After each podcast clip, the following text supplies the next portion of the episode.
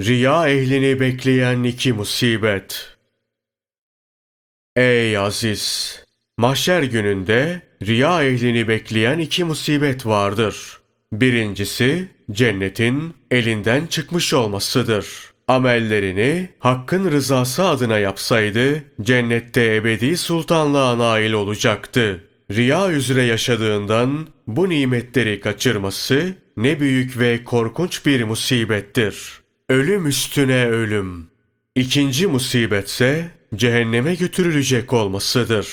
Cehenneme götürülüp orada çeşitli azaplar görürken kafir ve fasıklar bunlara laf atıp sataşacaklar. Dünyada Muhammed'in ümmetindenizler bize de kafir deyip söverdiniz. Kiminiz sufiydi, kiminiz namazlarını mescitlerde cemaatle kılardı. Kiminiz sarığının ucunu arkasına atıp öyle dolaşırdı. Kimseyi beğenmezdiniz. Mescitlerdeki zikir meclislerinde haykırıp başınızı sallardınız. Buralarda kiminiz döner, kiminiz öylece durup donar, kiminiz de kendini şişleyip aşıklık iddiasında bulunurdu. Sizi gördüğümüzde ne mutlu bunlara, hepsi cennetlik derdik. Şimdi ne oldu size böyle? O kadar ameliniz nerede? Onlardan hiç mi fayda görmediniz? Bize fasık deyip uzaklaşırdınız. Bu hale düşmenizin sebebi nedir? Bu hale düşmüş riyakarlar, ağlar, feryat eder, şöyle derler. Ne bilelim, gerçi ibadet ve taatimiz vardı. İnsanların bizi ne hoş, ne güzel Müslüman diye övmesinden hoşlanırdık. Bu tarz övgüleri duymak hoşumuza gider, halka olan meylimiz artardı. Böyle davranmak meğerse riyaymış. İyi adamdır desinler diye ibadet etmek ve sufi görünmek şirk koşmakmış. İbadetin sadece hakkın rızası için olması gerektiğini bilmiyorduk. Şimdi de bize riyakar ve müşrik deniliyor. Böyle aldanmış ve mahrum halde cehenneme getirilmiş bulunuyoruz. Bizimle birlikte olan kimileri ibadet ve taatlerini ihlasla yaptıkları, halkın iyi veya kötü demelerine bakmadıkları için tevhid zikrini tamamlayıp Allah'ın katında makbul oldular. Biz halkın iyi ve kötü demesine itibar ettiğimizden bu duruma düştük. İhlas ehlinin ibadet ve taatleri hak için olmuş. Bizimkiler halk için olmuş. Kafir ve fasıklar merak eder sorarlar. Şeyh, alim ve vaizleriniz riyanın kötülüğünden bahsetmediler mi? İbadetlerinizi ve taatlerinizi hükümsüz bırakacağını söylemediler mi? Halkın övgüsünü almak için yapılan amellerin boşa gideceğinden riyanın ahirette hüsrana ve pişmanlığa sebep olacağından dahası riyanın şirkle eşit olduğundan haber vermediler mi? Bu sorulara şöyle cevap verirler. Evet, şeyhlerimiz bu konularda bizleri devamlı ikaz ederdi. İbadetlerinizi hak için yapın, riyadan sakının, halkın övgü ve yergisine aldırış etmeyin. Yoksa amellerinizin hepsi boşa gider derlerdi. Ancak onları dinlemedik. Tavsiye ettikleri şeyler bize çok az ve ince göründü. O kadar ince eleyip sık dokumaya gerek duymadık. Kalbimizi ihlasla parlatmadığımızdan halkın sözleri şeyhlerinkinden daha hoş geldi. Böyle konuşup ağlaşmaya devam ederler. O kadar ağlarlar ki gözlerindeki yaş tükenir. Kan akmaya başlar. Sonra bu da tükenir. Pişmanlıklarını şöyle anlatırlar.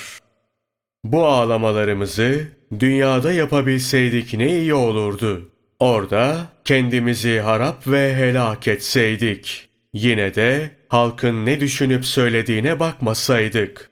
Yücelerin yücesine çıkarsınlar veya aşağıların aşağısına indirsinler, deli veya veli desinler, bu hiç önemli değilmiş. Mühim olan Hak Teâlâ'nın yolunda muhlislerden olmakmış. Mütevazılığı bırakıp dünyanın şöhret ve itibarını tercih ettik. İşte fani dünyanın itibarı yok olup gitti. Ebedi olan ahirette ise mahrum kaldık. Yaşarken daha çok zahir olan tarafımıza dikkat ettik. Batınımızı unuttuk. Maneviyata meylimiz az olduğundan halkın bize olan övgüleri gönlümüzü kararttı. Batınımız ortaya çıktığında içimiz dışımıza çevrildiğinde oranın da dışımız kadar simsiyah olduğunu gördük. İşte böyle kahırla ağlayıp pişmanlıklarını ifade ederek kafir ve fasıklara rezil rüsva olurlar. Ey aziz kardeş! Ahiretteki bu zarar ve hüsran büyük bir ceza ve pişmanlıktır. Bu dille tarif edilemez. Ama sen hala bunun kokusunu duymuyorsun. Dünyanın itibarına aldanıp ahiretteki hüsrana razı oluyorsun. Kesretten, kalabalıktan kurtulamadın. Şöhretin peşindesin. Kalabalığın ilgisine sırt dönüp bir türlü hakka dönemedin. İhlaslı bir amelin olmadı. Ahiretin münkiri dinini terk etmiş, amelsiz cahilleri ölçü alıyor, kendine onlara uygun mertebeler seçiyorsun. Halkın sana çok iyi adam, ehli takva, zahit ve muhsin demesi hoşuna gidiyor. Halbuki amelde ihlası tutturmak için tenha yerlerde ve gecelerde gözyaşı döküp başını secdeye koymalısın. Hak Teâlâ'nın dergahının kapısında yüzünü toprağa sürüp ihlasla halini arz edersen bu riyadan kurtulursun. İhlasla amel etmen kolaylaşır. Ey biçare! Bir düşün. Kıyamet gününde defterini eline verip oku kitabını. Bugün hesap sorucu olarak sana nefsin yeter diyecekler. Geçici lezzetlerden usanıp baki lezzetlere özenmedin daha. Dünyada gururla gezip dolanıyorsun. Ancak ne fayda? Kendini kandırıyorsun. Azrail aleyhisselamın darbesiyle bu dünyadan ahirete gönderileceksin. Oraya gidince ne yapacaksın? En iyisi ölmeden önce derdine bir çare ara. Allah'ın huzuruna yüzü kara çıkmak sana yakışır mı? Bir parça gayretin varsa varlığınla yokluğun belli olmasın. İhlasla amel et. Allah Celle Celaluhu'ya yaklaş. Halkın hürmet ve itibarından uzaklaş. Ey kardeş! Riya ehlinin başına gelecek bir başka rezilliği de haber vereyim. Riya ile bir amel işlendiğinde bu amel alınıp göklere çıkartılır. Bütün ameller gibi bu da Hak Teâlâ'ya arz edilir. Allah Celle Celaluhu şöyle buyurur. Bu ameli geri götürün. Sahibi kimse yüzüne çarpın. Onun muradı ben değilim. Bunu kimin için yapmışsa ona göndersin. Zira bu amelde şirk vardır. Bana layık değildir. Başkasının ortak olduğu ameli kabul etmem. Bu amel cehenneme layıktır. Melekler bu ameli alıp getirir. Sahibinin yüzüne çarpar. Sahibi o kadar meleğin içinde rezil olur. Meleklerin lanetine uğrar. Hak Teâlâ'nın katından geri döndürülmek ne büyük rezilliktir. Meleklerin arasında amelinin yüzüne çarpılması. Riya ehlinin bir diğer rezilliği şudur. Mahşer günü mizan kurulur. Hak Teâlâ adaletiyle hükmeder. Bütün mahlukat orada hazır bulunur. Herkesin anne babası, yakınları, komşuları, dostu düşmanı, sevdiği, tanıdığı hepsi. Sonra 124 bin peygamber, 400 tabakanın eren ve velileri, geçmiş büyüklerin hepsi Hak Teâlâ'nın huzurundadır.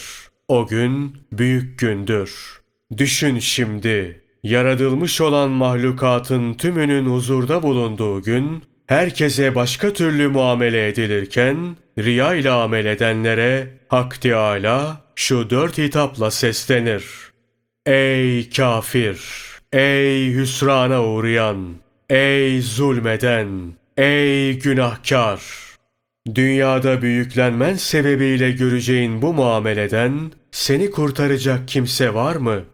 Hak Teâlâ'nın riya ehline böyle hitap edeceğine dair delil şu hadisi şeriftir. Kıyamet gününde riyakarlar dört hitapla çağrılacaklardır. Evet, riyakara bütün gayretin boşa gitti. Kimin için ibadet ve taat ettiysen ecrini o versin denilecek.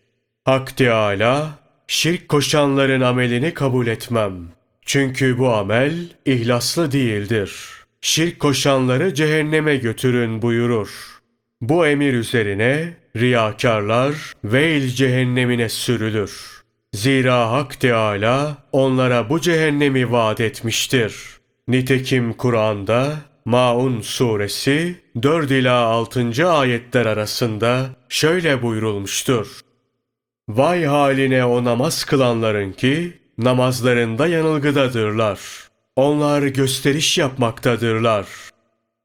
Resulullah sallallahu aleyhi ve sellemin huzuruna biri gelip Ya Resulallah riyadan nasıl kurtulunur diye sorar. Allah'ın Resulü sallallahu aleyhi ve sellem şöyle buyurur. Riyadan kurtulmak için ihlaslı olunmalı, öyle amel edilmelidir. Sadece Allah rızasını gözeterek amel edilirse ihlaslı olunmuş olunur. Halk için değil, hak için ibadet etmelidir. Allah ondan razı olsun. Ebu Osmansa şöyle der.